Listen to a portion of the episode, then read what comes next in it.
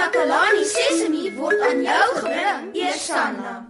Takalani Sesemi.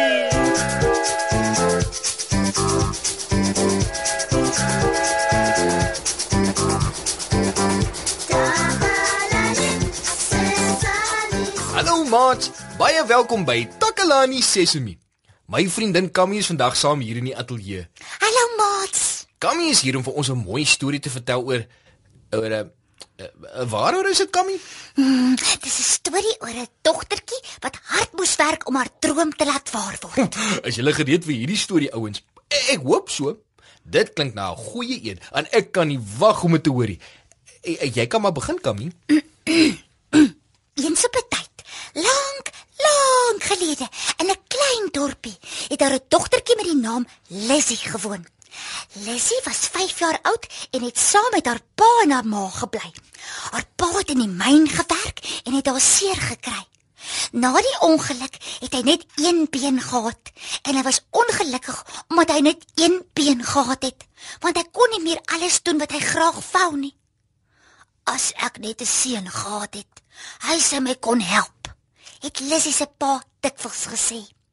Lizzie wou help, maar hy wou nie. Dis 'n man se werk. Jy is net 'n dogtertjie. Jy kan dit nie doen nie, al wil jy, het hy gesê. Dit het Lizzie sleg laat voel. Sy was baie lief vir haar pa en sy wou hom so graag help. Toe dit tyd raak, en sy moet begin skool toe gaan, het haar pa gesê dit sal 'n mors van geld en tyd wees. Hy het nie gedink dit is nodig dat meisies skool toe gaan nie. Want hoekom moet hulle iets leer?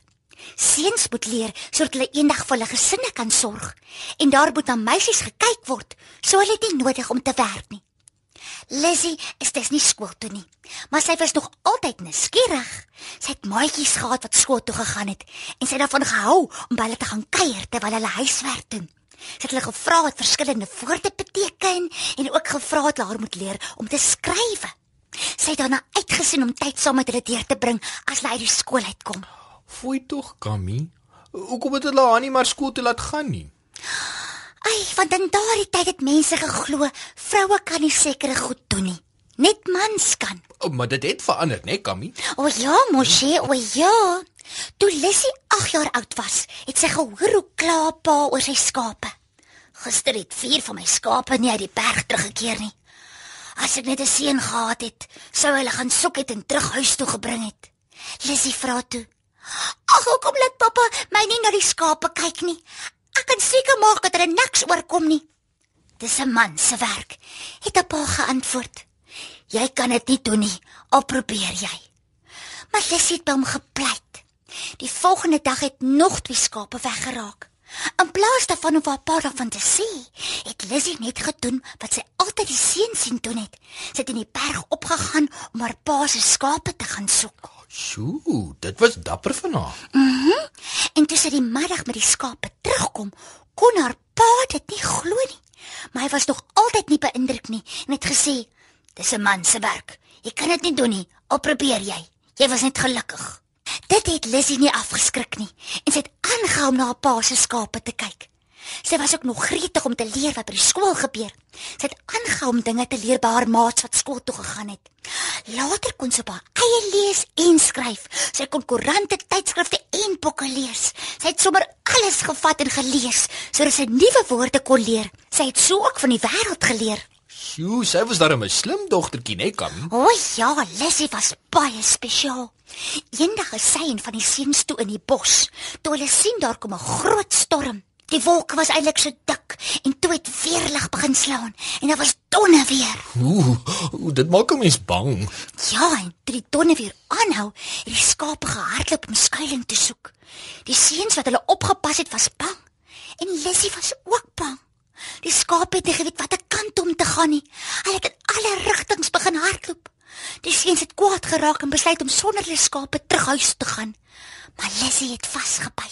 Sy het al haar pa se skape bymekaar gemaak en hulle terug huis toe geneem. Haar pa kon dit nie glo nie. Hy was trots op haar. Dit is toe dat hy besef het Lizzie is slim. Dat hy besluit het sy moet skool toe gaan. Sy was so 'n slim dogtertjie dat sy 3 grade in 1 jaar gedoen het. Eendag kom daar toe 'n brief vir haar pa aan. Hy wou dat iemand dit vir hom lees. Niemand kon die brief lees nie, want dit was vol groot woorde wat hulle nie kon verstaan nie. Lizzie het gevra om dit te lees. Haar pa het nie gedink sy sal kan nie, maar hy het in elk geval vir haar gegee. Lizzie het die brief gelees en vir hom gesê wat daarin staan. Die brief het gesê hulle grond gaan van hulle af weggeneem word. Haar pa moes 'n prokureur kry sodat hulle kon beklei om die grond te hou. Maar hy kon nie een bekostig nie.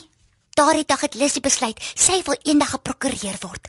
Sy was vasbeslote om hard te leer en haar droom waar te laat word.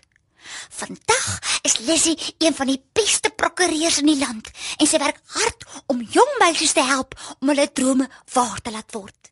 Die einde. Sjoe, dit was baie mooi, Kammy. Dis 'n storie waarvoor ek die liefste is. Dit wys ons dat seuns en dogters albei alles kan doen waarvan hulle droom. Dit leer ons dat daar nie so iets soos 'n man se werk of soos 'n vrou se werk is nie. Alles is moontlik. Dit is so waar, Kammy. Ja. baie dankie vir die wonderlike storie. Maat, ek hoop julle het dit net so baie geniet soos ek. Nou hoop ek julle gaan hierdie liedjie ook geniet. Hier kom dit.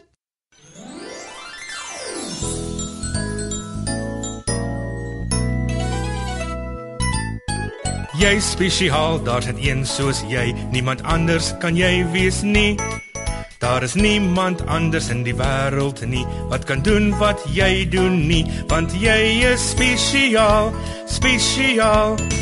Elke een is spesiaal, elke een op sy of haar manier.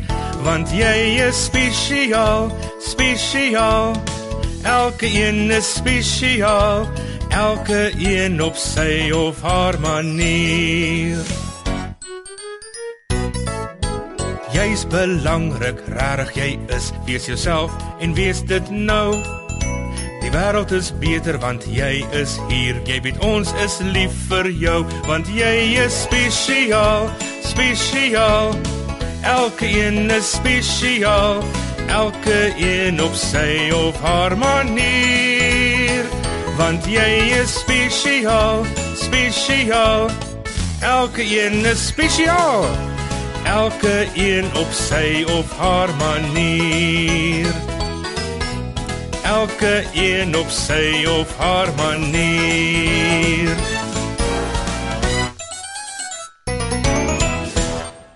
Maat, dankie dat julle weer vandag saam met ons gekuier het.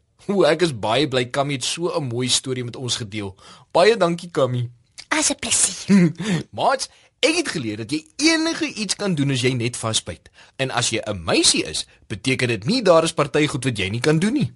'n Meisie kan omtrent alles doen wat 'n man kan. Kom kuier weer saam volgende keer.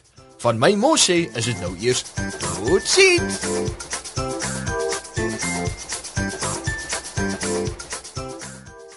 Takalani Sesemi is mondelik gemaak deur die ondersteuning van Sanlam. Takalani Sesemi is in pas met die kurrikulum van die departement van basiese opvoeding wat 'n stewige grondslag lê in vroeë kinderopvoeding.